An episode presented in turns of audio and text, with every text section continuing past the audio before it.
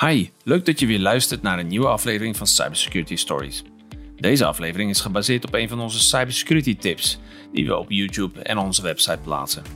En in deze cybersecurity tip vertelt Frank Dap van Protector hoe je kunt achterhalen of je gehackt bent.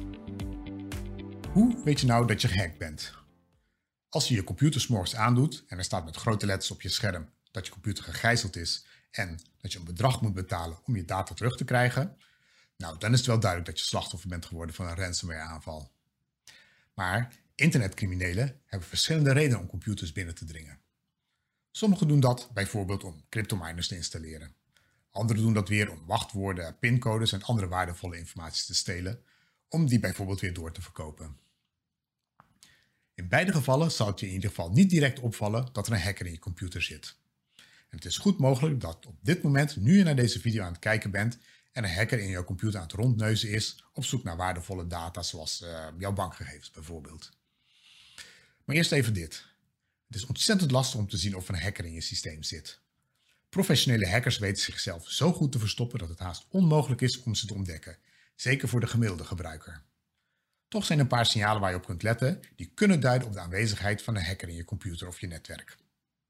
Ten eerste, controleer of de firewall en de virusscanner ingeschakeld zijn. Om detectie te voorkomen zal een hacker namelijk als eerste de firewall, virusscanners en dergelijke uitschakelen. Je controleert dit als volgt. Open het Windows instellingen scherm. Dit kan je doen door bijvoorbeeld op start te klikken en instellingen in te typen. Kies op het instellingenscherm voor bijwerken en beveiligen. Klik nu op Windows beveiliging in het linkermenu.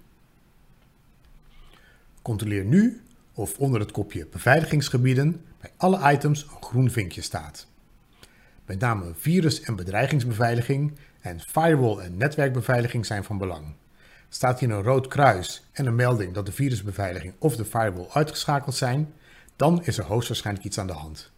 Er is geen enkele reden, of althans geen enkele goede reden, om deze beveiligingen uit te schakelen. Schakel de firewall en de virusscanner in ieder geval meteen weer in en controleer of ze niet weer uitgeschakeld worden. Voor meer details kan je ook op virus- en bedreigingsbeveiliging klikken en controleren of daar ook alleen groene vinkjes staan. En hetzelfde kun je doen voor firewall en netwerkbeveiliging. En dan, controleer of er geen vreemde of malafide processen op je computer draaien. Dit kan je zo doen. Klik met de rechtermuisknop op een lege plek op de taakbalk onderaan je scherm en kies in het menu dat dan verschijnt voor taakbeheer. Je krijgt nu een lijst te zien met alle processen of alle programma's die op je computer draaien. Het kan zijn dat je even op meer details links onderaan het scherm moet klikken om de volledige lijst te zien. Scroll door de lijst en kijk of je geen vreemde zaken tegenkomt. Het is lastig om malafide processen te herkennen, maar let met name op of je geen proces tegenkomt die Windows PowerShell, Windows Terminal of Windows Command Processor heten. Dit zijn programma's die door hackers gebruikt kunnen worden om malafide code op jouw computer te installeren. Ook kan een hacker met deze programma's vanaf een andere computer toegang krijgen tot jouw bestanden en allerlei instellingen op jouw computer wijzigen, waaronder dus je firewall en je virusscanner uitschakelen. Deze apps horen in ieder geval onder normale omstandigheden niet te draaien.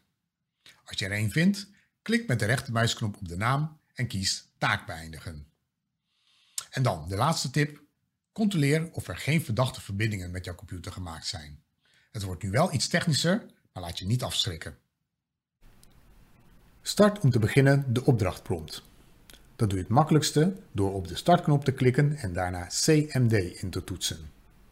Nadat je de opdrachtprompt hebt gestart, verschijnt er een zwart scherm. Typ hier ipconfig, dus ipconfig en toets op enter. Er verschijnt nu een heleboel informatie op het scherm. Zoek in deze informatie naar de regel die begint met IPv4-adres. Aan het einde van deze regel zie je vier getallen staan gescheiden door een punt. Dit is je zogenaamde IP-adres, een uniek nummer dat aan jouw computer is toegewezen. Schrijf deze even op. Typ nu netstad min ANO, dus N-E-T-S-T-A-T spatie min A-N-O en druk weer op enter. Je krijgt nu een hele lange lijst met allemaal getallen te zien. Dit zijn alle verbindingen die jouw computer open heeft staan met andere computers. In de derde kolom, die Foreign Address heet, staan de IP-nummers van de computers waar jouw computer mee verbonden is. Kijk even in deze kolom of je verbindingen tegenkomt waarvan de eerste twee of drie getallen van het IP-adres hetzelfde zijn als de eerste twee of drie getallen van jouw eigen IP-adres.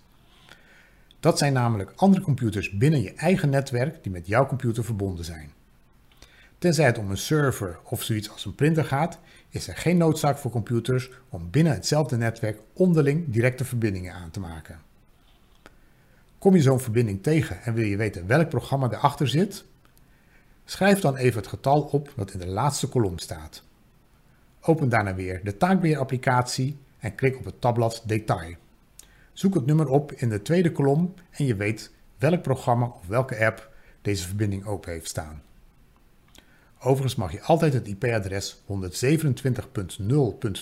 negeren. Dit zijn namelijk netwerkverbindingen die je computer met zichzelf heeft gemaakt. Wat moet je doen als je denkt dat je gehackt bent? Als je een geavanceerde bescherming hebt, zoals een endpoint protection oplossing, dan heb je de mogelijkheid om een rollback te doen. Deze herstelt je computer dan naar een punt waarvan met zekerheid gezegd kan worden dat je nog niet gehackt was. De meest rigoureus, maar verreweg de beste optie is om je computer opnieuw te installeren. Daar kan ik helaas kort over zijn. Hackers laten namelijk altijd sporen achter. Deze maken je computer niet alleen instabiel, ook ben je extra kwetsbaar voor een nieuwe hack. Deze tips geven trouwens geen garantie dat je niet gehackt bent. Het opsporen van dreigingen, het zogenaamde threat hunten, is een bijzonder complex proces dat eigenlijk voorbehouden is aan specialisten. Tot slot, en we hebben dit al vaker gezegd, maar voorkomen is echt heel veel beter dan genezen. Zorg er in ieder geval voor dat je een goede endpoint protection oplossing hebt, want virusscanners houden hackers vandaag de dag echt niet buiten de deur. Maar goed, vond je dit interessante tips? Abonneer dan even op ons podcastkanaal. Dit kan onder andere via YouTube, Apple Podcast en Google Podcast. En heb je een opmerking of een vraag? Laat dan even een reactie achter en we komen er snel op terug.